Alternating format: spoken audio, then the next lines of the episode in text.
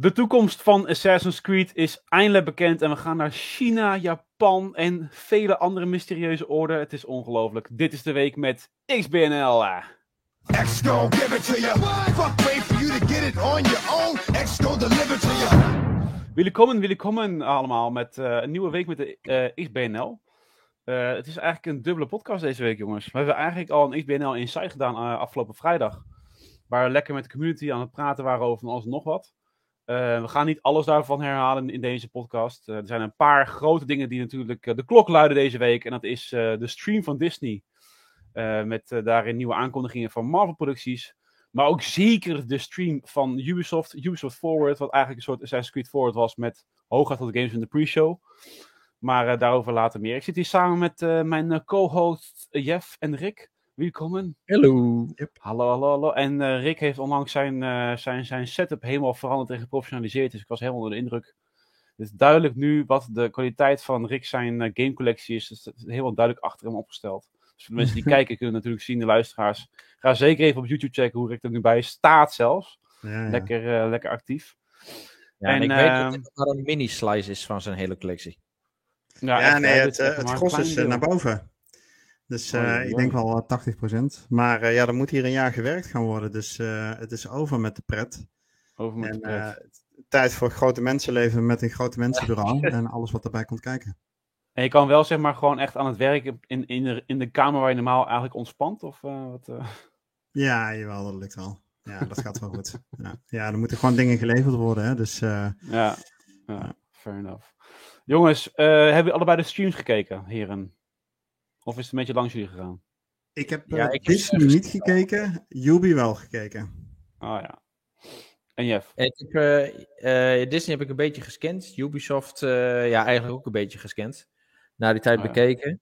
Ja. En um, het viel me op trouwens dat ik bij beide streams nog wel heel erg veel kon doorspoelen. En ja. met, bij, bij Ubisoft en um, ik zei het net al, van ja, er zit een soort van trend in of zo. Ik weet niet precies wat het is. Maar het lijkt alsof het de echte serieuze games, die zijn zo'n beetje verdwenen. Dat, dat, die, die vind je gewoon bijna niet meer. En de echte je serieuze games? Ja, er zit zoveel crap bij. Weet je, Just Dance is weer terug. En, oh, ja, Ubisoft? Weet, ja, ja. Ik, ja, van Ubisoft. Ik weet het, er is echt een heel groot publiek voor. En uh, Trackmania, For Honor, um, Brawlhalla, weet je, die games, uh, Riders Republic. Ja, ja, daar zit ik allemaal niet op te wachten, joh. Ja. Doe nee, dat viel mij eigenlijk ook wel op. Ze hebben, ze hebben veel franchises, maar de, een, de enige die eigenlijk gewoon boeit is Assassin's Creed in dit geval. Dat was eigenlijk wel duidelijk in die showcases, die streams omdat op een gegeven moment gaat een heel deel over Assassin's Creed. En dan voel je dat al die andere games een soort van pre-show waren van eigenlijk de Assassin's Creed Forward. En, uh, maar ik moet zeggen dat qua tempo, dat is wel beide Disney en Ubisoft, vond ik qua tempo wel goed. Vooral Disney had hem goed te pakken. Die had echt zoiets van, oké, boom, nieuwe game. Blablabla, boom, nieuwe game. Dus het was echt wel leuk om te zien. En um, ze hadden bij Disney, om maar gelijk even met Disney gewoon te beginnen, wel een paar interessante uh, dingen aangekondigd. En uh, ik zag later ook nog eens een keer een trailer voorbij komen van Marvel überhaupt. Natuurlijk van Disney is. Over Secret Invasion, een nieuwe serie die eraan komt. Met uh, Samuel L. Jackson, gewoon in een serie. Dus dat is ook wel uh, erg boeiend. Dat is ook gaaf. Ja, ja als echt, zag ik vandaag nog voorbij komen.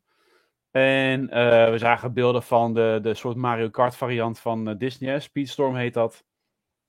En volgens mij werd er gelijk al, terwijl die game is net uit, Disney Dreamlight Valley een soort DLC content update voor uh, een Toy Story wereld. Maar ik zit er niet zo heel erg diep in, dus misschien dat uh, Rick dat. Uh, ja. Die zit er wel vuist diep in. Nou goed, dat klopt inderdaad. Hè. Dus die Dream, Dreamlight Valley is natuurlijk net in early access gegaan. Die moet in 2023 een full release krijgen. Dat wordt een free-to-play game. ik vind dat nog wel het meest interessante nieuwtje.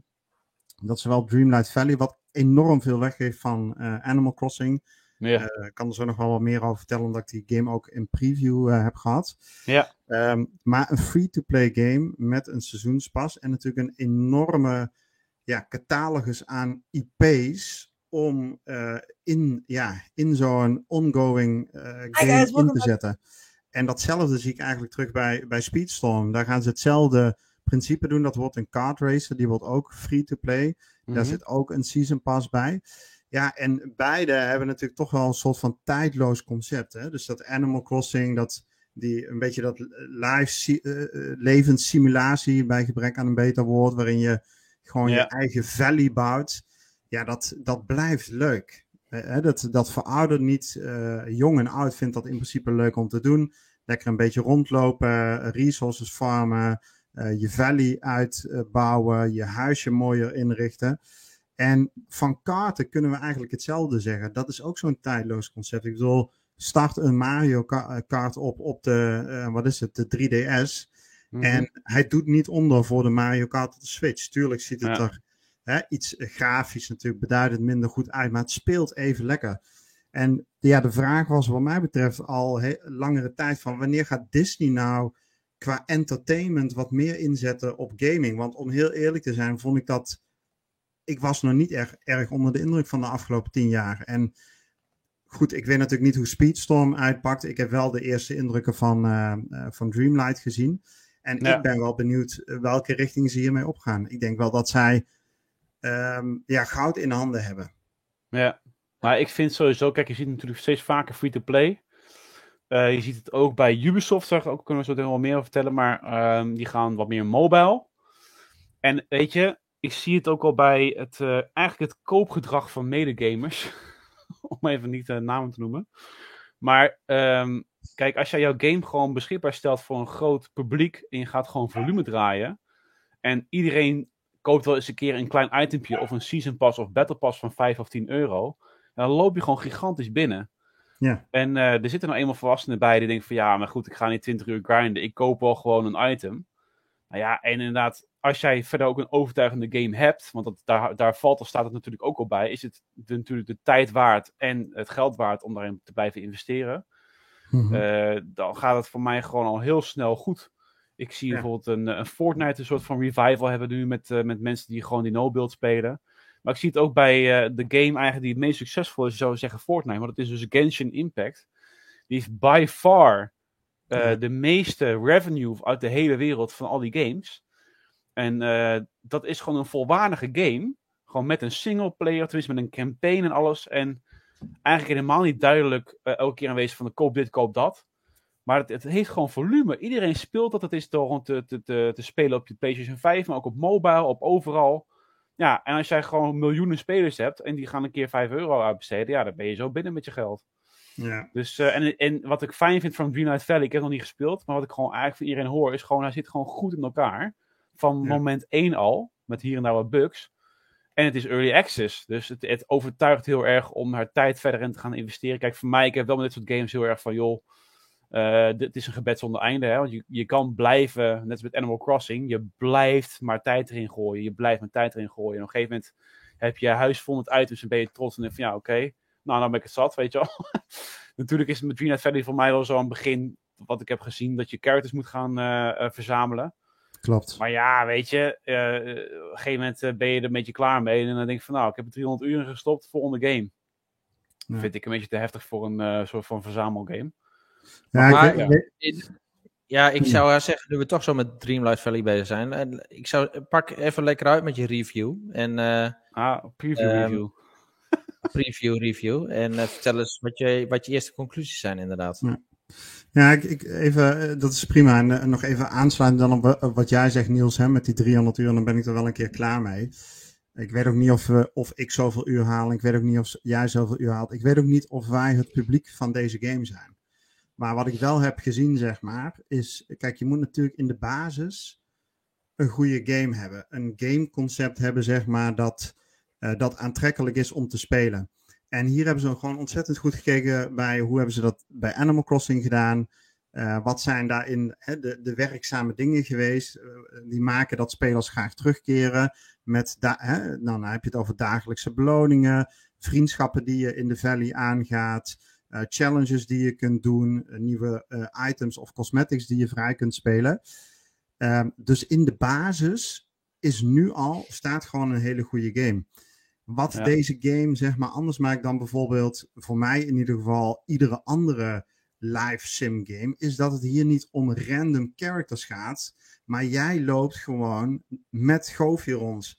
En als jij Goofy even zat bent, dan ga je naar Mickey en dan ga je naar Dagobert en dan ga je naar Vienna en dan ga je naar de, eh, de nou ja, noem maar op. Dat portfolio van Disney is zo enorm uitgebreid. Ja, dat wel, ja.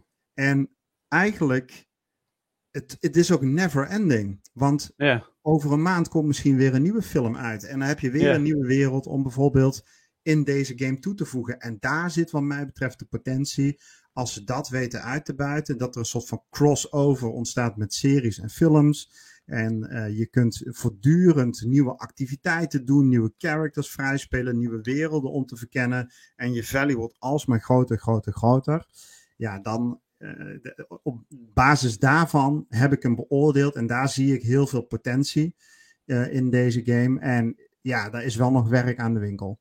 He, dus een van de voornaamste punten wil dit aansluiten bij de massa. En dat qua gameplay is mijn inschatting nu. Daar ligt de basis voor.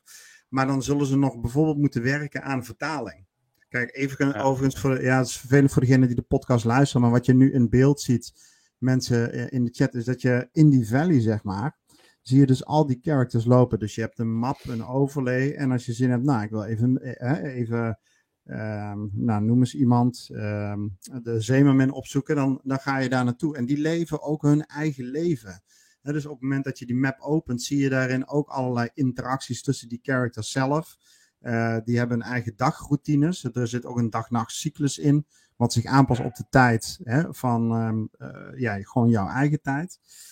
Dus in de basis zit het gewoon goed in elkaar. En uh, om terug te komen op het punt dat ik net wilde maken, wat echt top prioriteit heeft. En ik hoop echt dat de ontwikkelaars dat met stip op één zetten. liever vandaag nog dan morgen, is dat ze dit moeten gaan vertalen. Deze game heeft lappen tekst. Mm dat is op zich niet erg. Maar zorg dat het gelokaliseerd wordt. Dat het in het Nederlands beschikbaar komt. In het Duits, in het Fins, weet ik veel. investeer daarin en maak de uitleg over de gameplay uh, mechanics. Maak die visueler. Nu is dat met tekst uitgelegd en af en toe met een plaatje. En uh, ik denk dat je daarmee de groep van 6 tot 12 jaar, hè, voor wie deze game in potentie Um, ja, dat is eigenlijk het publiek, hè, de, denk ik althans. Um, mm -hmm. Die ga je hier voor een deel missen, doordat je um, ja, eigenlijk de, uh, de laagdrempeligheid nog niet helemaal op orde hebt. Maar goed, het is dus, misschien een onderdeel van het early access stage waar je erin bevindt. Nou, ik, ik, ik, hoop dus zeg maar, uh, kijk, deze studio um, werkt hier nu voor het eerst aan een dergelijke titel. Uh, zo, ze werken overigens ook aan Speedstorm. Um, dat zijn free-to-play games, maar die zijn nu in Founders Editions worden ze uitgegeven. En ik hoop dat eh, de, uh, nou eigenlijk het, de Disney in dit geval gaat zien van oké, okay, mensen vinden dit tof en laten we hierin mee gaan investeren. Um, want er zijn kennelijk genoeg mensen die deze Founders edities kopen en er wordt een Season Pass aangeschaft. En dat ja. ze op die manier zeg maar het vertrouwen krijgen om op dat vlak meer te gaan doen. Niet, niet alleen bijvoorbeeld ook rondom lokalisatie, maar ook om voice acting. Hè, je, ja. uh, nou, Vienna, je hoort haar wel, maar het zijn van die mompelende ja, woordjes, ja, zinnetjes. En daar kun je natuurlijk veel meer uithalen. Uh, dus um, nou goed, laten we hopen dat, dat het zich zo doorzet. Dit is wel een leuke, natuurlijk een, een nieuwe soort lean manier van een game developer. Dat je gewoon kijkt van hoe bevalt het. En gaan we inderdaad hier veel meer miljoenen tegenaan gooien om het uit te bouwen. Maar volgens mij is het serieus nu al een heel groot succes. Volgens mij zijn mensen er al heel erg mee aan de, aan de slag. Dus uh, ja. Kijk, Disney heeft natuurlijk sowieso al genoeg geld. Maar goed, ik kan me voorstellen dat daar toch wat voorzichtiger in zijn. Uh, en uh, een beetje hun uh, voet in het water dippen van, nou, hoe voelt het aan? Ja, precies. En nou, een van de dingen die, en dat is dan misschien ook even het laatste punt, ik denk dat we daarna ook weer door moeten, want er zat, zat andere dingen te bespreken. Maar een van de dingen die de, deze game voor mij ook laagdrempelig maakt, is um, de, de cross-platform dus ik kan, um, of cross-save moet ik eigenlijk zeggen.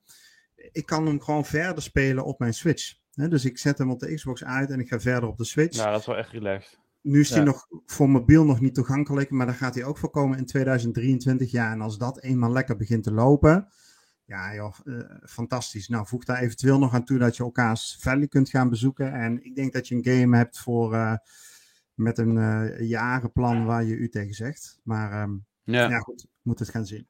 Ik heb er laatst pas trouwens echt de voordelen van gemerkt, dat cross-platform. Want ik was Rocket League aan het spelen. Ik was dan niet wel een weekje weg. En die vrienden van mij hadden een Switch en ik had die Xbox. Ik had ook op de Switch bij me, maar...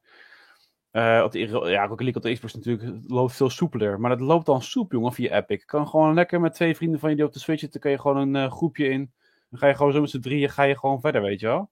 Ik denk van, ja. het is toch wel de toekomst. Dat gewoon het eigenlijk een beetje de standaard wordt om gewoon, ongeacht welke console je hebt, dat je in ieder geval lekker met z'n allen kunnen spe kan spelen.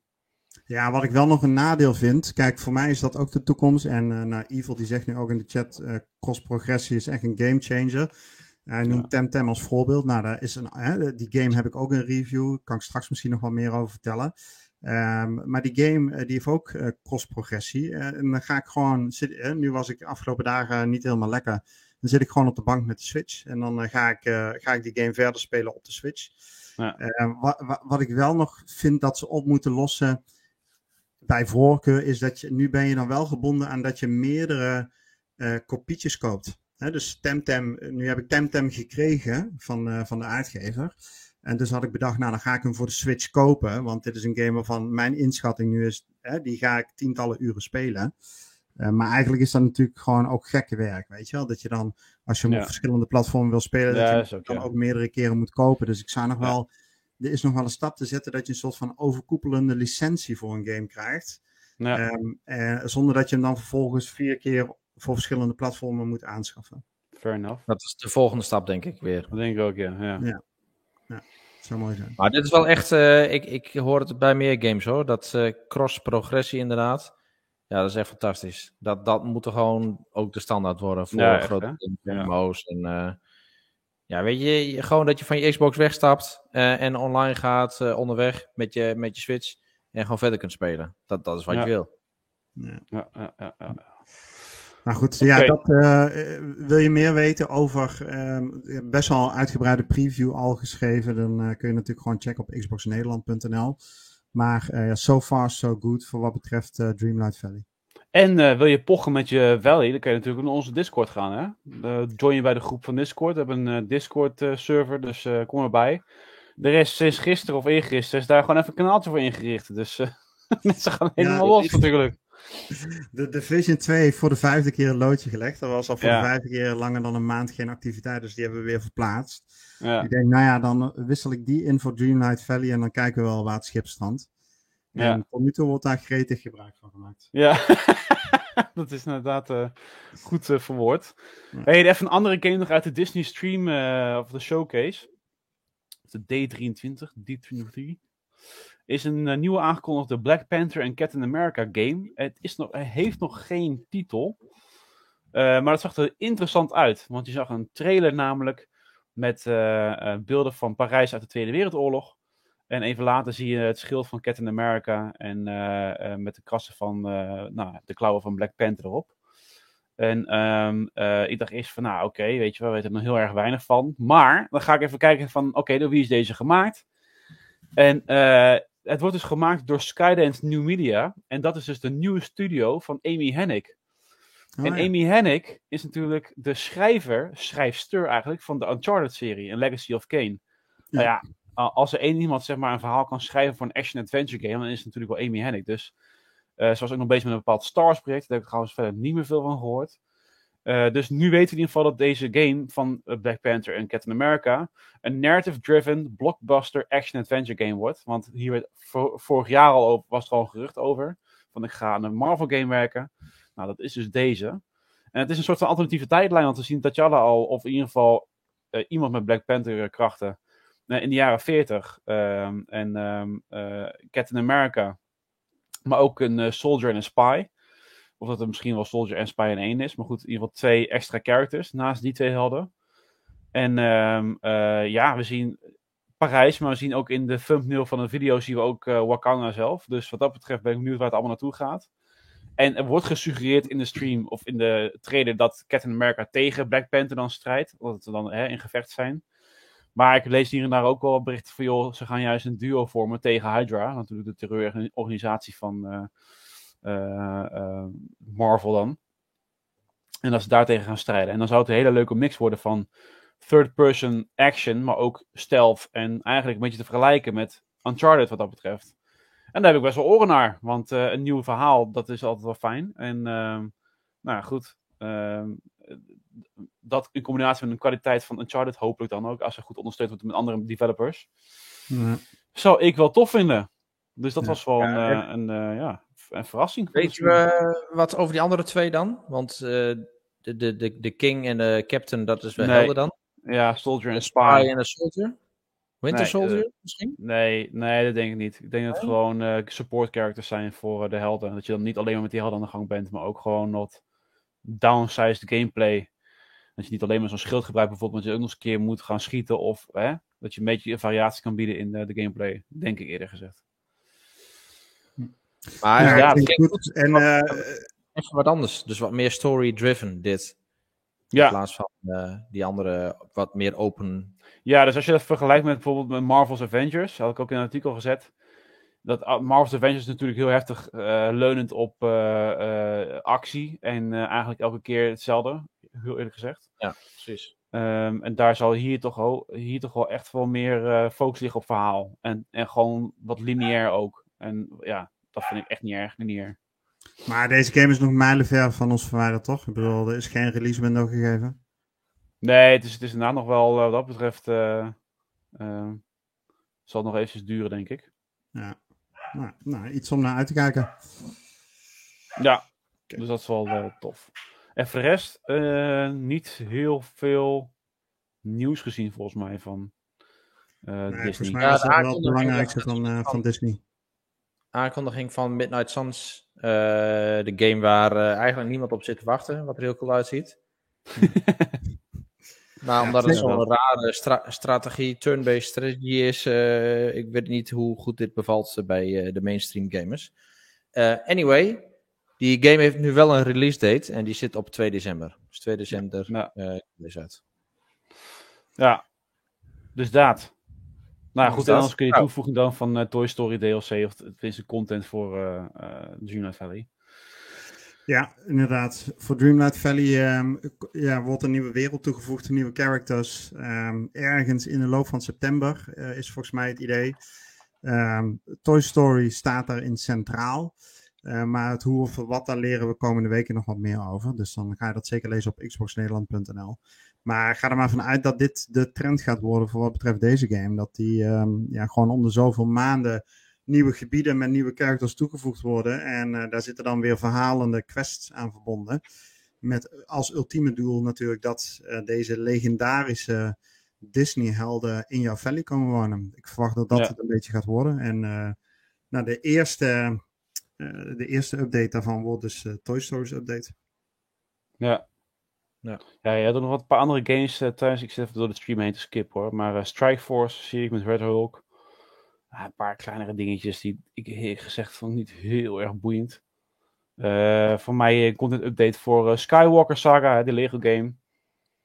Dus, en Mirrorverse komt ook nog aan. Dat is een soort brawl game met allerlei helden die in één keer badass zijn. Zoals Bell van Bad and Beast. Nou goed, whatever. Ja. Dus dat. Anyways, dus dat uh, zover met je de Disney Showcase. Uh, wel, zoals ik al zei, het, het zat goed in elkaar hoor, die showcase. Qua tempo en zo. Helemaal goed, prima. En dan uh, een dagje later hebben we dan de Ubisoft Forward met, zoals ik al zei, eigenlijk een beetje cringe momenten zoals we gewend zijn van Ubisoft altijd met de E3. doen ze nu ook in een eigen stream. En ja, op een gegeven moment was er zo'n presentator die begon over Just Dance. Begint hij zelf te dansen. Ik van, oh mijn god jongens. En ook maar bij interview... wie resoneert dat? Wie, wie, wie Geen welke mensen loop je warm voor? Echt, ik weet het niet. Maar ook dat interview van Assassin's Creed, jongen, met die, uh, nou, die andere jongen die dat doet, hè, die ook die stem uh, voorziet van een van die characters in Assassin's Creed, die deed het leuk. Maar op een gegeven moment dan uh, gaan ze gewoon letterlijk dat script af, weet je wel. Van nou, leuk dat je het vraagt, Danny. Bla, bla, bla, weet je. Van, oh, dit is echt cringe. Ja, maar dat, ja het, het zijn van die overduidelijk ingestudeerde improvisatie. Ja, Hoe krijg je het voor elkaar? En ook die accent swings van, van die oh, Franse mensen, jongen. En het Engels. Ik denk, die, oh, joi, die, moest echt, die moest er echt uitkappen. Die moeten gewoon opgesodemieterd uit die streams. Ja, nee, geen, echt, uh... geen Franse accenten meer. Ja. Je hebt er gen genoeg gasten bij zitten, Frans of whatever, Canadees is het voor een heel groot gedeelte. Ja. Die kunnen gewoon perfect Engels. Er is helemaal niks mis mee. Ehm, of dat nu een eerste of tweede taal is, maakt het niet uit. Laat die lekker aan het woord Ja, ja, ja, ja. ja. Nou ja, goed. Uh, wat we überhaupt een beetje hebben gezien is dat uh, Mario Rabbit Spark of Hope. En uh, het zag er echt eerlijk gezegd wel leuk uit. Hoor. Dus ik was best dacht van, nou ja, misschien ga ik toch wel weer spelen. Zeker. En, uh, want het is nog wat meer real-time dan. De vorige was toch meer turn-based. En was nu meer real-time zag het eruit. En de wereld zag er heel erg interessant uit. Dus de trailer zag er ook erg leuk uit. Dus wat dat betreft is dat wel leuk om naar uit te kijken. Ja, we zagen Skull and Bones. Eerlijk gezegd, Skull and Bones doen we nog steeds echt helemaal niks die game. Uh, maar goed, ik heb hier natuurlijk uh, opperpiraat Rick naast me. Dus ik dacht misschien doet het bij jou iets. Lost het emoties... Uh... Nee, nou goed. De, ja, de vergelijking met Sea of Thieves wordt natuurlijk snel gemaakt. En ja. um, ik weet niet of dat terecht gaat zijn. Op een aantal punten, zeg maar, vielen mij wel een aantal wezenlijke verschillen op. In de, niet in de laatste plaats dat je gewoon je hele boot van wapens en schilden kunt voorzien. Waardoor je dus... Mm -hmm ja, eigenlijk je boot kunt upgraden. En dan gaat het niet over cosmetics, maar dan gaat het echt over voordeel in, in, zeeslagen. Ja, ja, dat heb je natuurlijk totaal niet bij Sea of Thieves. Dus ik ben wel heel benieuwd, zeg maar, wat voor, progress, hè, wat voor onderliggend progressiesysteem uh, daarmee gepaard gaat. En uh, ja, ho hoe dat uitpakt. Waar mijn ja. zorgen voor deze game zitten, is dat we nagenoeg nog niks van de werelden zien, joh. Um, ik, ik, ik krijg nog niet scherp genoeg in ieder geval van waar start je nou? Waar kun je rondlopen? Op een gegeven ogenblik zie ik iets in die trailers voorbij komen dat je iets van een schatkist kunt vinden. Maar hoe gaat dat dan? Kun je ja. kun je, je boot verlaten? En um, hoe, wat is überhaupt de omvang uh, van de map? Ik vind dat ze daar, naar mijn smaak in ieder geval, nog veel te vaag over zijn. En om eerlijk te zijn, twee maanden voor release stemt mij dat niet heel erg gerust. Um, ja. Dus ik, ik ben nog niet overtuigd. Om, uh, ik, ik sta ja, best open voor een uh, uh, nieuwe multiplayer piraten game. Ik vind het ook overgestoft dat je in deze game de PvP uit kunt schakelen als je dat zou willen. Dat, dat is een nieuwtje wat, wat we gisteren erbij hebben gekregen. Dus dat is natuurlijk wel leuk voor degene die het meer voor het verhaal of de beleving spelen. En wat minder zitten te wachten op andere piraten. Maar um, ja, ik sta er best voor open om met deze game aan de slag te gaan. Niet om Sea of Thieves te vervangen, maar meer om ernaast te doen. Maar dat, uh, ja, dat van die wereld en het gebrek aan informatie daarover, wat mij betreft, stemt me gewoon nog wat. Ja. ja. Maar ik denk het ook. Ik denk dat voor die game gewoon uh, is afgemaakt dat hij af moest. En ja. that's it. Maar het ja, goed. Wel, het, qua wereld en zo, uh, het is wel echt een andere game dan Sea of Thieves dit. Ja. Volgens mij is het ook niet zo dat je je boot verlaat. Je bent gewoon je boot en that's it. Ja, dat is en, het. Uh, volgens mij moet je gewoon parkeren naast een eiland en dan kun je daar uh, klikken op een knop. Zo, hè, zo denk dan een beetje erover. Klikken op een knop en dan heb je een schat opgehaald. Zo ja. een animatie die dan afspeelt. Ja. Ik denk meer op die, die tour. Als je kijkt naar die werelden, daar is het misschien wel wat interessanter dan Sea of Thieves. Sorry dat ik het zeg. Maar je hebt allemaal verschillende biomen heb je hier. Dus het, het speelt zich af, uh, nou ja, deels in uh, het, het, uh, het Indonesische gebied. Ja. Dus ook Aziatische gebieden en zo.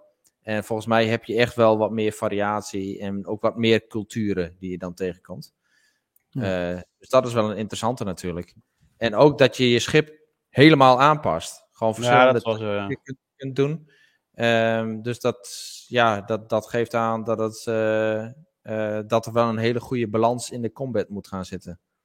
Ja, ja er zal iets meer een RPG-stijl uh, in zitten, ja, ver, veel meer. verwacht ik. En misschien niet alleen zeg maar, voor wat betreft ook de cannons en de schilden, maar misschien ook wel de, de bemanning, de kracht van de bemanning, ehm, de dus, hoeveelheid ja. bemanning die je mee kunt nemen. Een beetje ja. hè, zoals je dat in Valhalla ook hebt. Ja, dat, dat zou wel interessant zijn. als het zich daar, dan zou het ook wat dat betreft een hele onderscheidende game kunnen zijn.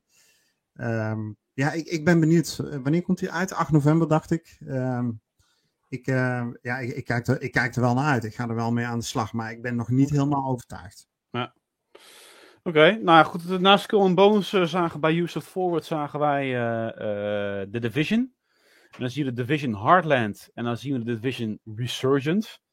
En ja. Heartland is dan een free-to-play sur ja, survival shooter volgens mij. Ik vond heel erg denk, het liet me heel erg denken aan uh, State of Decay. weet je, dezelfde rural community in Middle America. Een beetje dezelfde omgevingen als uh, of Decay. En, maar op zich wel een game die ik ga proberen. Want ik, ik vond op zich wel het, hele idee van gewoon een free-to-play Division game. Um, spreekt me wel aan. Kijk, Division 2 speel ik niet meer. Omdat op een gegeven moment vind ik dat gewoon klaar. En dan is het gewoon een te grote grind. Maar ja, weet je, zo'n nieuwe Division met free-to-play dingetjes erin. Dat uh, zie ik op zich wel zitten. En Resurgence is dan ook uh, een... Uh, ziet er trouwens fantastisch uit, Resurgence. Is dan voor mobile ook nog eens een keer. Ik denk van, wow. Dat wordt helemaal een intense multiplayer experience, zoals ze het zelf zeggen. En uh, nou, daar komt de closed beta deze herfst. En ook daar lijkt het gewoon echt Division te zijn op je mobiel. Uh, heel benieuwd naar hoe dat zich allemaal uitpakt. En vervolgens bleef ze bij mobile, want ook Rainbow Six moet eraan geloven. Die krijgt ook een mobile ervaring. En dan zie ik toch een soort verschuiving van die franchises die ze nu op de consoles hebben ondersteund naar mobile. Omdat de mobile markt is toch nog steeds volgens mij groeiende. De apparaten worden steeds sterker. En uh, je hebt gewoon in plaats van een miljoenen afzet, heb je een miljarden afzet. Want ja, miljarden mensen hebben een mobiel. En je, je ja, je, je be, uh, bereidt gewoon veel sneller een, uh, een, een, een, doelgroep wat dat betreft. Dus het was duidelijk dat ze die richting ook al opgaan. Er komt, daarna kwam al vrij snel naar voren dat er een Netflix partnership is voor een Assassin's Creed um, ja. serie is ook wel erg interessant. Waarover zometeen nog meer, alhoewel ik eigenlijk niet meer te vertellen heb dan dit. Er komt gewoon iets met een partnership. Dus. ja, en, uh, ja wat, uh, hoe heet het? Uh, Valiant Hearts, zeg maar. Ik ja, dan krijgt nog een deel 2, ja, toch? Die, uh, dat krijgt een deel 2. En, ja. uh, maar die, die gaat dus exclusief naar Netflix. Dus dat is wel jammer voor degenen die deze game met veel plezier gespeeld hebben. Ja, het kan nog steeds, maar dan, uh, dan moet het op Netflix, dus buiten het Xbox-ecosysteem. Dat wordt een ehm, game die je op Netflix speelt. Ja. Een Netflix game. Ja. Ja, ik weet niet, want Netflix gaat nog heel even kijken hoor. Netflix... Ja, het blijkt dat je op Netflix een hele game sectie hebt waar je games kunt spelen. Ja, ik heb er echt ik nog nooit van gehoord gewoon. En nu pas wel. Nou nee, goed, dus dan zou ik dat aan uitbouwen. Uh, dat, dat is goed ontvangen. Ik, ik heb hem zelf nog niet gespeeld, maar... Uh, oh, die is echt een... Ja. Hm? Ja. In het hart. Ja, Valiant Hart is echt uh, serieus uh, een aanrader hoor. Dus echt uh, even op de Switch spelen of zo. 5 euro, wat ik voel voor de kost. Echt, echt wel een, een, een aanrader. Heel erg emotioneel beladen verhaal trouwens ook wel. Ja, nee, dat is helemaal, is helemaal een straatje. Ik heb hem ook wel aangeschaft. Ik moet hem alleen nog een keer... Oh, Oké, okay, nou, top. Top, top, top. we zagen nog Trackmania dingetjes. Nou, Trackmania doe ik al helemaal... Dat moet hem ook helemaal geen fuck wat dat betreft. Um, Game nog niet op de console uit is, joh. Dat is onvoorstelbaar. Ja, dat is echt. Uh, je ziet daarna zie je, um, je had een tussenstukje van Rocksmith, hè, die komt dan met een, uh, een uh, mobile app waarmee je een gitaar kan aansluiten en kan spelen als een soort guitaro en dan gitaar kan leren spelen via je mobiel. Dat, is, dat, dat, dat voor mij fungeert als een soort stemapparaat en, nou goed, kan allerlei dingen erop doen.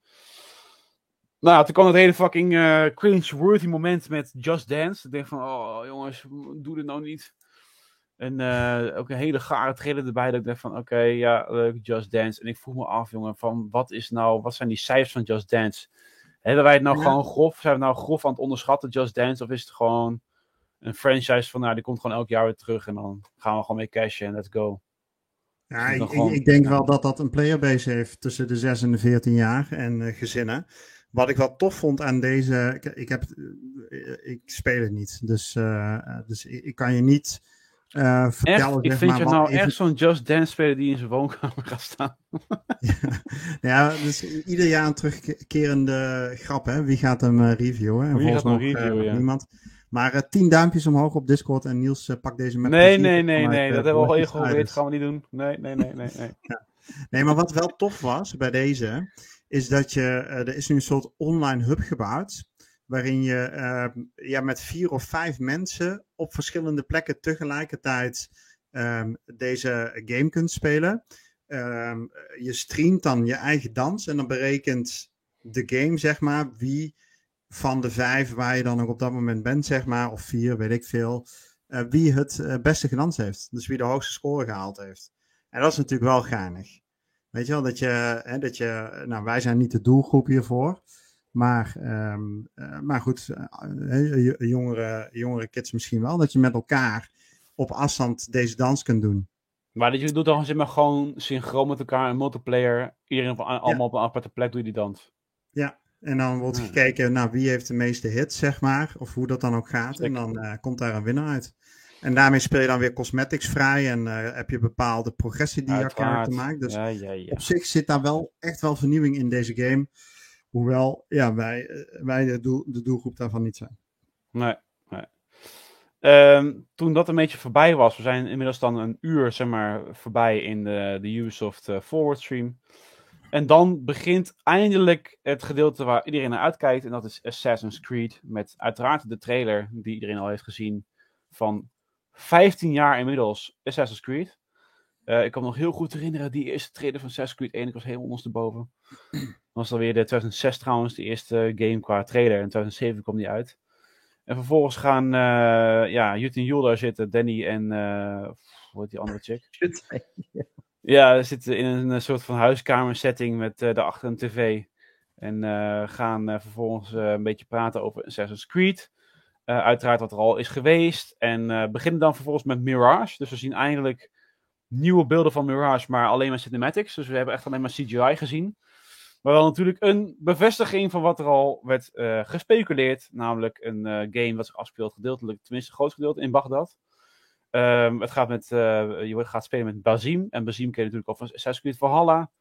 En deze Bazim is uh, eh, 20 jaar voor Valhalla. Dus hij gaat echt, je gaat zeg maar, zo net met Ezio ga je een beetje ontdekken. Hoe die van straattuig naar Assassin evolueert. En zich verder ontwikkelt daarin. En ehm, het zag er wel goed uit, eerlijk gezegd. Dus ik dacht van, nou ja, goed, die CGI zijn nog waarschijnlijk heel weinig. Maar uh, volgens mij had je het ook in je artikel gezegd, Rick, van het wordt al meer een lineaire ervaring, maar dat vind ik totaal niet erg. En ik vind het ook niet erg. Nee, ik, ik ben hier echt blij mee. Ik, um, Origins, Odyssey en Valhalla. Ik heb het gespeeld uh, en met name Valhalla. Ik kan daar gewoon naar. ik heb het drie keer geprobeerd en kom daar niet doorheen. Uh, grote oh, map, veel vinkjes, verhaal wat ik een beetje kwijtraak. Dus... Of niet, Jeff, vinkjes. Ja, je, nou, sommige mensen zijn er dol op hoor. Echte collectors. Ja, dat is duidelijk, ja. Jij heeft er uh, 250 uur in zitten of zo. Maar het, het, is meer omdat het als een verplichting aanvoelt. Niet omdat het leuk is of zo. Nee, ja, omdat jij een autisme hebt daarin dat je gewoon alles moet afwerken.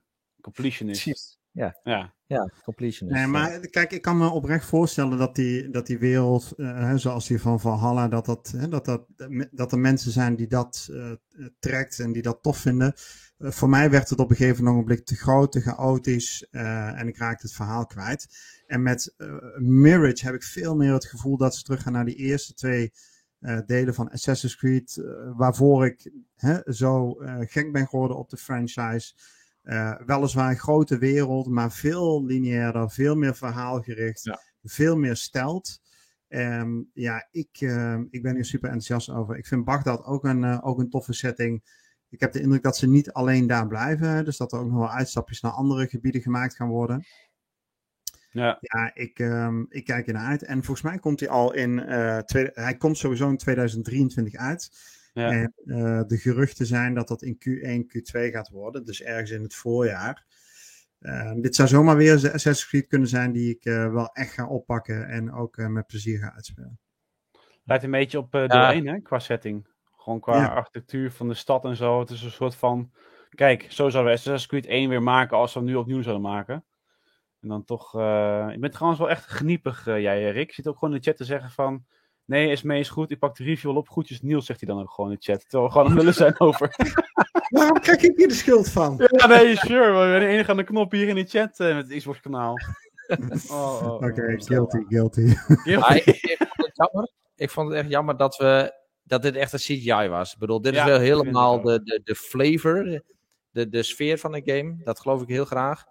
Alleen, ik had toch wel hoop dat we iets wat een beetje in-game leek. Of in ieder geval een paar snapshots dan van wat meer in-game ja, was. Fair. Maar ik ben het helemaal met je eens um, dat het wat meer lineair is. Uh, ja, ik ben er ook helemaal voorstander van. Ik denk dat de franchise het op dit moment ook gewoon goed kan gebruiken. Dat we een beetje open wereld moe zijn. Een beetje ja, radiotoren moe zijn. En wat liever gewoon een, een verhaal in een game volgen. En volgens mij is Basim, het lijkt, vooral met die trailer, ook daar wel een heel mooi personage voor te zijn. Ik ben alleen nog niet overtuigd van die, die vrouw. Dus dat is, dat is zeg maar Basim's teacher. mentor, ja. Ja, klopt. Ja, mentor hier. Dat is, uh, ja, die wordt gevoice door een hele bekende voice actress. Ja, maar ze uit... deden wel net in de stream alsof zij echt wereldberoemd is. Terwijl ik ken ja, inderdaad, ja. van een paar series, maar... Van een paar series, inderdaad. Dat zit ook echt. En het is ook echt gewoon ja, rookmevrouw, hè. Het is gewoon gratis. Ja, die heeft inderdaad zo'n zo rookstem. Dat echt en dan, nou, ja, super bekend. Als ik haar in game voor personage zie, als ik haar in-game personage zie, dan denk ik van ja, dit is gewoon een. Uh, hier valt er mee, maar dit is gewoon een vrouw van, uh, weet ik wat, uh, eh, 40 jaar of zo. Dus het, het, is een totale mismatch tussen die voice en de, de rest van het karakter. Ja, ik weet het niet. Denk, ik denk dat die actrice al 40 jaar geleden ook al die stem had, hoor. Nou, ja, ja nee, want volgens mij ken ik haar van 24 met uh, Kiefer Sutherland. Daar had ze ook al een, een, een rol in. En dat is toch alweer een goede 15 jaar minstens geleden. Ja. Nou, dat bedoel ik. Maar goed, anyways, uh, Mirage. Uh, ik denk dat iedereen wel een beetje uitkijkt naar gameplay. Ja. Wat meer overzicht van de stad. Hoe gaat het eruit zien op de Series X natuurlijk. En, en noem maar op. ook wel fijn dat ze dan niet gaan branden aan een release date. Dus ze hebben echt gezegd 2023. De geruchten zijn voorjaar. Maar goed, hè, kan het goed jaar najaar zijn. Dat ze misschien nog niet zo ver zijn. En ehm, ja, vervolgens hebben we eindelijk een soort van uh, ja, duidelijkheid over Assassin's Creed Infinity. Project Infinity, wat dan uh, de geruchten waren van vorig jaar. En uh, ook daar werd weer op een hele cringe-worthy manier naar verwezen in dat gesprek. Weet je wel, van nou, blij dat je het vraagt, Danny. Want inderdaad, we zijn bezig met een Project Infinity. En nu het inderdaad zo zegt, het wordt inderdaad een soort Animus. Want het is niet zozeer een game Infinity, het is meer een platform. Ik, hou, ik hoor trouwens mezelf een beetje terug bij Rick, volgens mij. Rick, kun je je geluid iets, yep. iets weer... Oh, zacht gezet, ga dan. En um, um, er wordt dus echt een platform waarbij zij um, in de toekomst avonturen op gaan toevoegen. En ze hebben gelijk eigenlijk een drietal games aangekondigd, waarvan er twee eigenlijk horen bij het Infinity. En de derde is sowieso een aankondiging die uh, uh, uitkomt voor mobile uh, zegt dat goed? Ja, een open wereld mobile game volgens mij. En dat is dan allerlei codenames. Dus je hebt codename Jade is een Assassin's Creed die zich in China afspeelt. Maar dat wordt een multiplayer of open wereld mobile game. Ik denk ook multiplayer trouwens. Je hebt codename Red. Gaat terug eindelijk naar het feodale Japan, waar menig Assassin's Creed fan al jaren op wacht. Leuk. Ja. Eindelijk Japan. Uh, we zien overigens heel weinig, behalve dan gewoon een teaser van een ninja op, uh, op Assassin op een dak en uh, tada, Codename Red. En datzelfde geldt eigenlijk voor codename Hex. ja, het, het is H-E-X-E, -E, Heksen. Um, en dat is, um, ja, de um, meneer die daar in de stoel zat, zei al van, nou ja, ik hoop dat de fans onze trailer helemaal zullen uitpluizen om te kijken wat voor geheimen daarin zitten. Nou, ik heb vandaag even gekeken. Ik heb natuurlijk mijn boekje van notities uh, erbij gehaald. En zelf alles uitgerekend en ontcijferd. ik ben uh, de bibliotheek ingedoken om allerlei oude tekens uit de 16e en 17e eeuw erbij te pakken. En uh, toen dacht ik van nee, dat is toch niet mijn ding. Ben ik een YouTube video gaan opzoeken en daar stond het wel goed beschreven. Het zou dus gaan om de hekserij, de heksenvervolgingen. Makkelijk zoals YouTube. ja, is toch wel zo fijn. Uh, iemand heeft het echt ontcijferd. Dus al die logos die je ziet bij dat logo van Assassin's Creed in Hex. Uh, dat verwijst allemaal naar oude tekentjes. En die zegt van, nou ja, goed, als we dat allemaal ontcijferen. Komen we uit op de, eigenlijk de Duitse heksenvervolgingen in de 17e eeuw. Dus 1625. En ehm, daar zou zich dan allemaal gaan afspelen. Dus het gaat echt inderdaad om mensen die dan, hè, waarvan wordt verdacht dat zij een pak met de duivel sluiten en allerlei symboliek wordt gebruikt. dat we daarmee een Assassin's Creed verhaal in gaan beleven. Dus ik ben wel benieuwd naar hoe dat zich gaat uitpakken, maar ook wanneer we dat te zien krijgen. Want we hebben natuurlijk nul data over wanneer deze games moeten uitkomen. Het is ook nog codename hacks. Ik lijkt me dat we dan misschien geen codename gaan heten, maar een ander soort titel. En um, ja, ik verwacht zelf 2024, 2025. En ik kijk eerlijk gezegd wel uit naar een Infinity. Omdat ik denk van ja, dat is volgens mij de way to go. En grappig genoeg hebben ze eigenlijk nu hun eigen Abstergo gecreëerd. Wat natuurlijk in die games de vijand is. Want ze hebben nu zometeen echt een virtueel platform. Met, waar je inderdaad dus al die avonturen kan gaan beleven van die Assassins. Dus uh, ja. Ik ben nog wel heel benieuwd hoe ze dat handen en voeten gaan geven. Wordt het echt gewoon een soort van hub waar je in kunt vertoeven? Ja, ze hebben het ook nog over multiplayer gehad. Ze ja, maar eh, weet je wel, je hebt het over een hub. En uh, uh, hoe moet het dan, moet het dat voorzien dat we dan meerdere spelers elkaar kunnen zien en zo. En toen heeft hij gezegd van ja, inderdaad, elke game heeft wel iets met multiplayer te maken. Dus het leidt erop dat er toch wel interactie kan plaatsvinden tussen spelers. En, uh, Dit is nou, gewoon hun metaverse plan. Ja, als het ware, ja. Ah, ja. Hoe zit dat met die mobile game dan? Zit die, die mobile games ook in Infinity? Ik heb zelf het gevoel dat de codename Red en Hex echt Infinity projecten zijn. En dat en Jade, uh, Jade uh, zeg maar gewoon echt apart moet uitkomen daarvan volgend jaar of 2024 of zo. Ja, ja, ja precies. Dat, dat is echt een mobile. Uh, heel duidelijk werd dat niet, maar dat was wel, wel ook mijn invulling. Kijk, ja. waar ik gewoon ontzettend benieuwd naar ben, is hoe die hub eruit komt te zien. Wordt dat hè, een soort van, van digitaal plein waar je, waar je mensen Ja. kunt treffen en vanuit daar verschillende games kunt opstarten? En Precies. in dat treffen, hè, dus voordat je de game opstart, dat je een soort van ehm, ja, blauwdruk ziet van jouw character en wat voor games die gespeeld heeft, wat voor avonturen die beleefd heeft. Dus een beetje die richting eh, die ze op willen gaan. Ik, ik ben er wel heel benieuwd naar. Ja. Misschien zit ik er volledig naast, maar ehm, interessant vind ik het wel.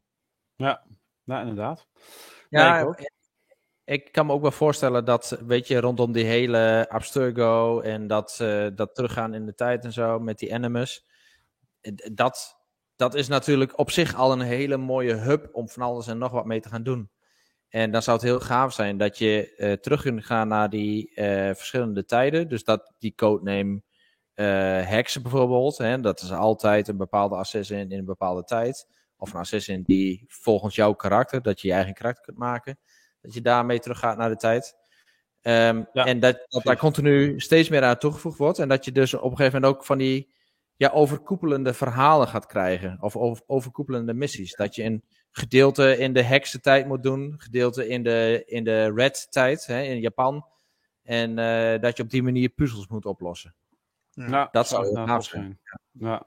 Maar het is wel een leuke soort van richting die ze opgaan met Assassin's Creed. Want natuurlijk elk eh, jaar of elke twee jaar weer een nieuwe titel uitpoepen. Dat gaat misschien eh, vervelen bij het publiek of zo. Eh, dus eh, ja, en misschien ook wel een soort van moderne aanpak van een franchise. Hè? Om dat gewoon na het los te koppelen van elkaar en toch een overkoepelend iets te gaan maken in een metaverse-achtige opstelling.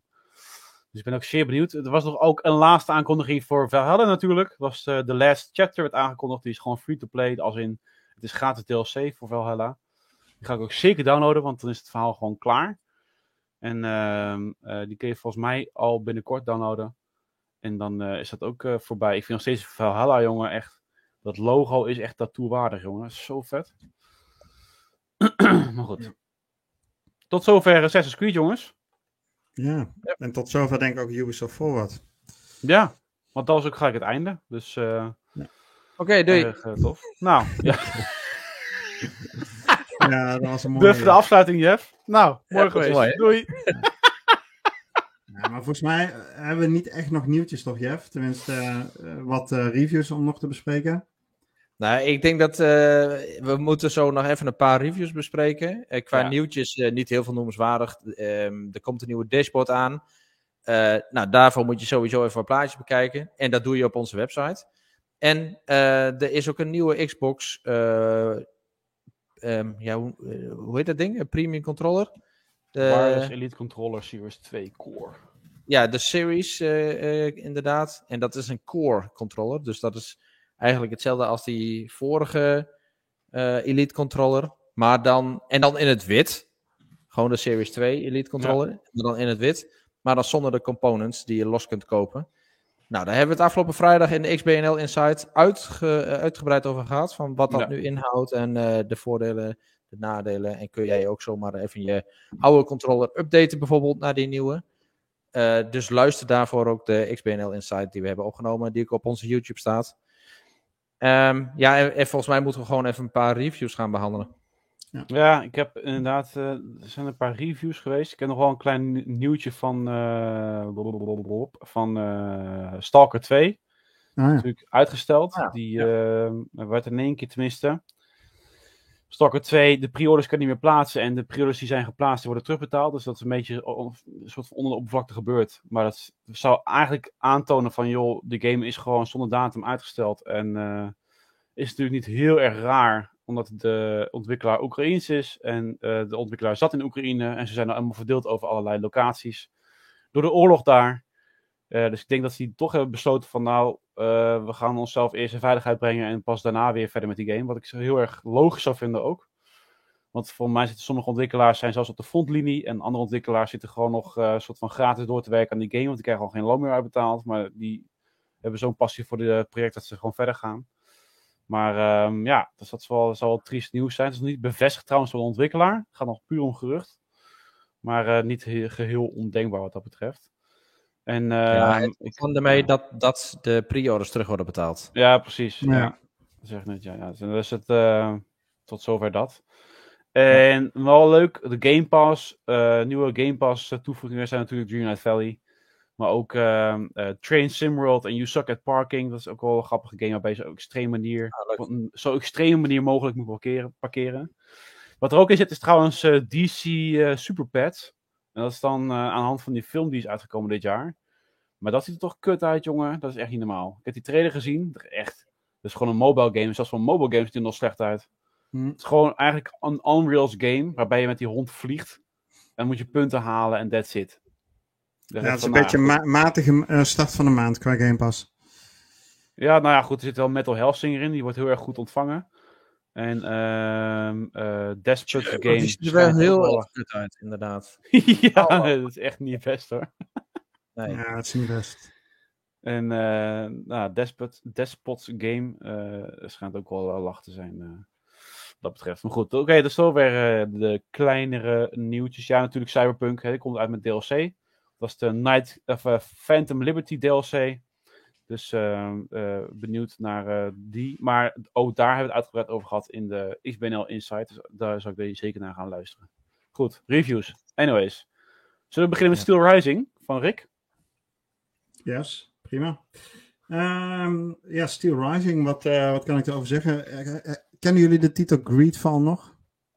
Ja, maar niet een paar jaar geleden uitgebracht door Spiders, Franse studio. En um, dit is van dezelfde studio. En uh, Greedfall uh, was, uh, hebben we destijds ook gereviewd. En dat ehm, was vooral een heel erg goed verhaal, was de conclusie van de review. met nou, een hele scala aan RPG-elementen. Steel Rising is ook een RPG, alleen dan een actie-RPG en dan een meer het Souls-like genre. Uh, zoals je dat bijvoorbeeld kent van uh, Elden Ring of Sekiro of Bloodborne enzovoort. Alleen is het uh, wat toegankelijker, daar kom ik zo op terug. Maar zit die Souls-like, waar zit hem dat dan in? Ja, ga je dood, dan moet je terug naar een checkpoint. vind je dan niet alle XP die je gefarmd hebt, dan raak je definitief kwijt.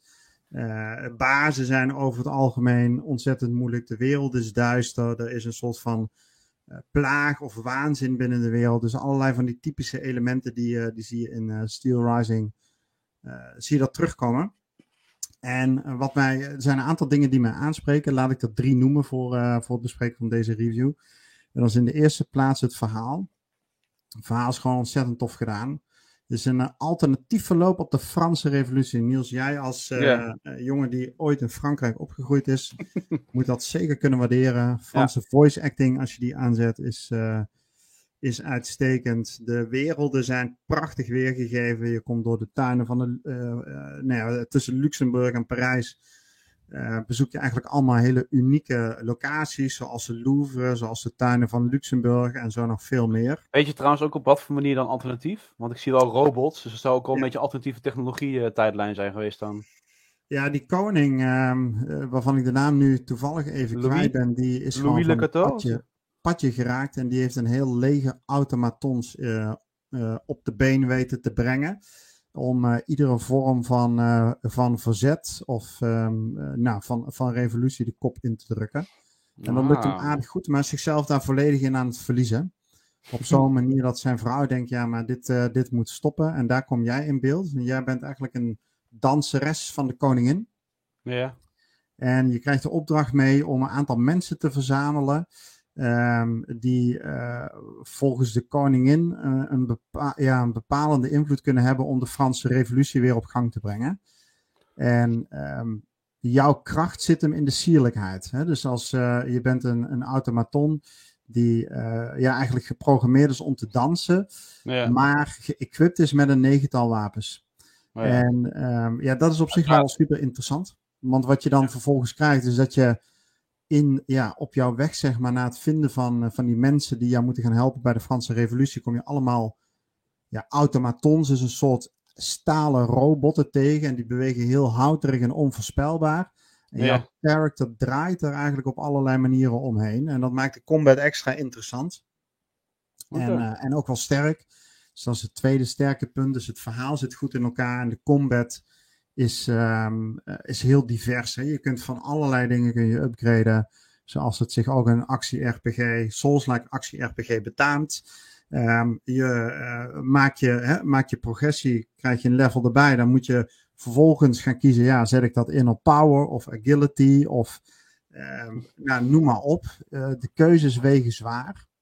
Uh, ieder, iedere upgrade heeft voordelen, maar daarmee verlies je ook weer bepaalde vaardigheden of oh, ja. bepaalde mogelijkheden. Of die ontneem je eigenlijk vooral. En daar dan de perfecte balans in vinden is gewoon een heerlijke puzzel. Zoals dat bij Eldering bijvoorbeeld ook zo was. En uh, bij uh, ja, typisch dit soort games is, komt dat, ja, pakt dat hier eigenlijk goed uit. Nice. Maar dit is wel echt, je loopt door levels heen, geen open wereld. Ja, het zijn een uh, achttal uh, open-ended werelden. Dus je kunt wel vrij bewegen in die werelden, maar um, het is meer lineair dan open. Ja. Dat, um, ik, ik zou het niet een open wereld noemen, hoewel het, ja, als je gewoon de plattegrond bekijkt en de mogelijkheden die je hebt, het wel een open wereld is. Maar je, je hebt er niet zo heel veel aan om vrij rond te gaan lopen exploreren. Dat, uh, er zijn bepaalde dingen, als je bepaalde verhalen in de progressie nog niet gemaakt hebt, die zijn gewoon afgesloten. Dus daar kun je dan er niet terecht. Maar, nice. maar deze game, um, denk ik, gewoon goed in is, is mocht je ja, dat Souls-like genre, mocht je daar toch een beetje van afschrikken vanwege vaak de hoge moeilijkheidsgraad, dit is echt wel uh, een goede instapper. Uh, en je krijgt er dan ook nog eens een goed verhaal en een prachtige wereld bij terug. Um, het is een goede instapper om een aantal redenen. Eén, het is makkelijk om XP te farmen. Twee, je hebt een aantal wapens die zijn op dit moment nog uh, overpowered. En dan met name de lange afstandswapens. Uh, ja, goed, nou heb ik dat filmpje even niet paraat. Maar die eindbaas, ja, die heb ik eigenlijk gewoon met gemodificeerde granaten uitgeschakeld. En dat was echt een lachertje. Dus als je uh, eigenlijk je beeld goed weet te doen, dan, uh, ja, dan is dit gewoon een vrij makkelijk, of ja, makkelijk niet, maar wordt die steeds toegankelijker. En, ja. en dat is wel een verademing na Eldering en Temisia gespeeld te hebben. Dat ehm, dit is een instap Souls-like actie-RPG. Lekker. Dat is uh, eigenlijk mijn conclusie. 8.5 op de XBNL-schaal tot 10. Een dikke must buy wat mij betreft. Als je geïnteresseerd bent in een goed verhaal, lekkere combat en uh, ja, een goede RPG'er. Ja. Een, uh, een, andere game die een uh, bijna 8,5, nee, iets hoger afprestatie heeft gehaald is F1 Manager. En uh, een andere review, Destroy Humans. Ik denk, misschien uh, gaan we niet weer uh, 10 minuten F1 Manager bespreken, Jeff. Of nee, toch nog wel nee dat leek me een goed idee. Vooral niet lang na dat half uur verhaal van Rick over Steel Rising. dus, dus nee, we zijn doen kort, hè? Goed gedaan, Rick. Ja, nee. ja. ja, dat voor nog maar een 8,5, hè? Nee. Ja. Nee, uh, F1 Manager uh, 22 is echt een, uh, een hele grote meevaller. De game is voor het eerst uitgekomen. Het is een nieuwe game in een nieuw genre. En dat is Autosports Management Games. Nou, dat is nog nooit eerder naar de console gekomen. Ik weet ook niet of het op de PC bestaat. Maar het is hier um, en het is direct met een F1-licentie. Het wordt super professioneel aangepakt. En het is ook alsof die game er al jaren is. Um, je staat hem op en het is allemaal intuïtief. Je wordt er op een goede manier ingeleid. Niet te veel. Dus niet dat je wordt doorgegooid met tutorials, maar ook weer niet te weinig. Dus op een gegeven moment word je losgelaten en de rest kun je zelf ook wel uitvinden. Dus echt gewoon precies genoeg. En uh, leuk comment van de chef. Um, en uh, ja, wat, wat echt een uh, goede meevaller is, is dat uh, de, de, productiewaarde van die game is gewoon heel erg goed. Dus het is niet dat je naar ja, lange formuliertjes, lijstjes loopt te staren. Um, maar um, ja, het is gewoon makkelijk, intuïtief te bedienen. En sfeer spat er ook vanaf. je hebt de officiële F1 geluidstracks. maar tijdens de vrije training, kwalificatie en wedstrijden heb je ook gewoon echt een race. Dus je zit echt naar een 3D-weergave van datgene wat gebeurt te kijken. In plaats van heel veel andere management games, waarin je gewoon een of ander plattegrondje krijgt. En misschien nog het leukste is, je hoort gewoon echt de coureur praten. Dus ze hebben door duizenden uren materiaal van, de, van Formule 1 gescrolld. En ze hebben geluidsfragmenten van alle rijders hebben ze eruit getrokken. En uh, als je dus een opdracht geeft aan, uh, nou ja, aan, aan Sebastian Vettel in mijn geval, dan zegt hij ook, ook fijn terug, oké, okay, copy. En dat is heel erg lachen. Ja, in, ehm, in, in, onze Discord ontstond een discussie waar best wel mensen die overwogen om hem aan te schaffen. Maar die vroeg zich af of deze game zich met controle goed laat bedienen. Ja, nee, extreem goed. Het is alsof die game gewoon is gemaakt voor console. Dus met de controller is dit echt. Uh, ik, ik, ik had bijna overwogen om in mijn review neer te zetten. Zelfs als, die op, als ik hem op PC zou spelen, zou ik hem met controller spelen. Gewoon Zo. vanwege hoe makkelijk en relaxed die te spelen is. nee, dat, is echt, uh, dat is echt prima. Ja, het is niet dat je met een muis of met een cursortje loopt te pielen. Het is gewoon met een paar knoppen en uh, switch je zo gewoon heel snel op een intuïtieve manier door de menus. Dus uh, echt goed te doen. Ja, en waar het natuurlijk om draait, dat is het hele management aspect. Uh, voel je je echt een teambaas? Nou, dat is gewoon echt het geval. Dus dat weet die game heel goed voor elkaar te krijgen. Nou, valt nog meer over te zeggen, maar dat kun je allemaal lezen in mijn review. www.isnederland.nl Oké, okay, guys. Um, Renko heeft ook nog een, uh, een review geschreven over Destroy All Humans 2, Reprobed. En uh, um, ja, ik zou zeggen, lees gewoon even de review. Hij is er uh, positief over. Hij zegt ook gewoon als subtitel meer van hetzelfde en dat is prima. En uh, volgens mij valt ook niet heel veel meer over te zeggen dan dat. Ik ben nog steeds bezig met deel 1, wat natuurlijk een remake is. Maar www.isnederland.nl en wellicht kan Renko een volgende keer eventueel over vertellen. Maar dat waren wel zo'n beetje volgens mij de reviews, als ik het niet uh, mis heb. Ik ga nog heel stiekem kijken naar onze ja, we hebben homepage. Nog, uh, wel uh, Temtem. Ja, maar die review die moet ik nog publiceren, dus daar kom ik dan volgende week oh. wel op terug. Oh, oh ik dacht dat je al. Ait. Dan uh, vinden we het misschien wel goed om gewoon uh, op Jeff manier uh, af te sluiten. Dus tot de volgende keer. nee, maar... uh, anyways, laten we maar doorgaan naar wat we zelf hebben gespeeld uh, deze week. Yes.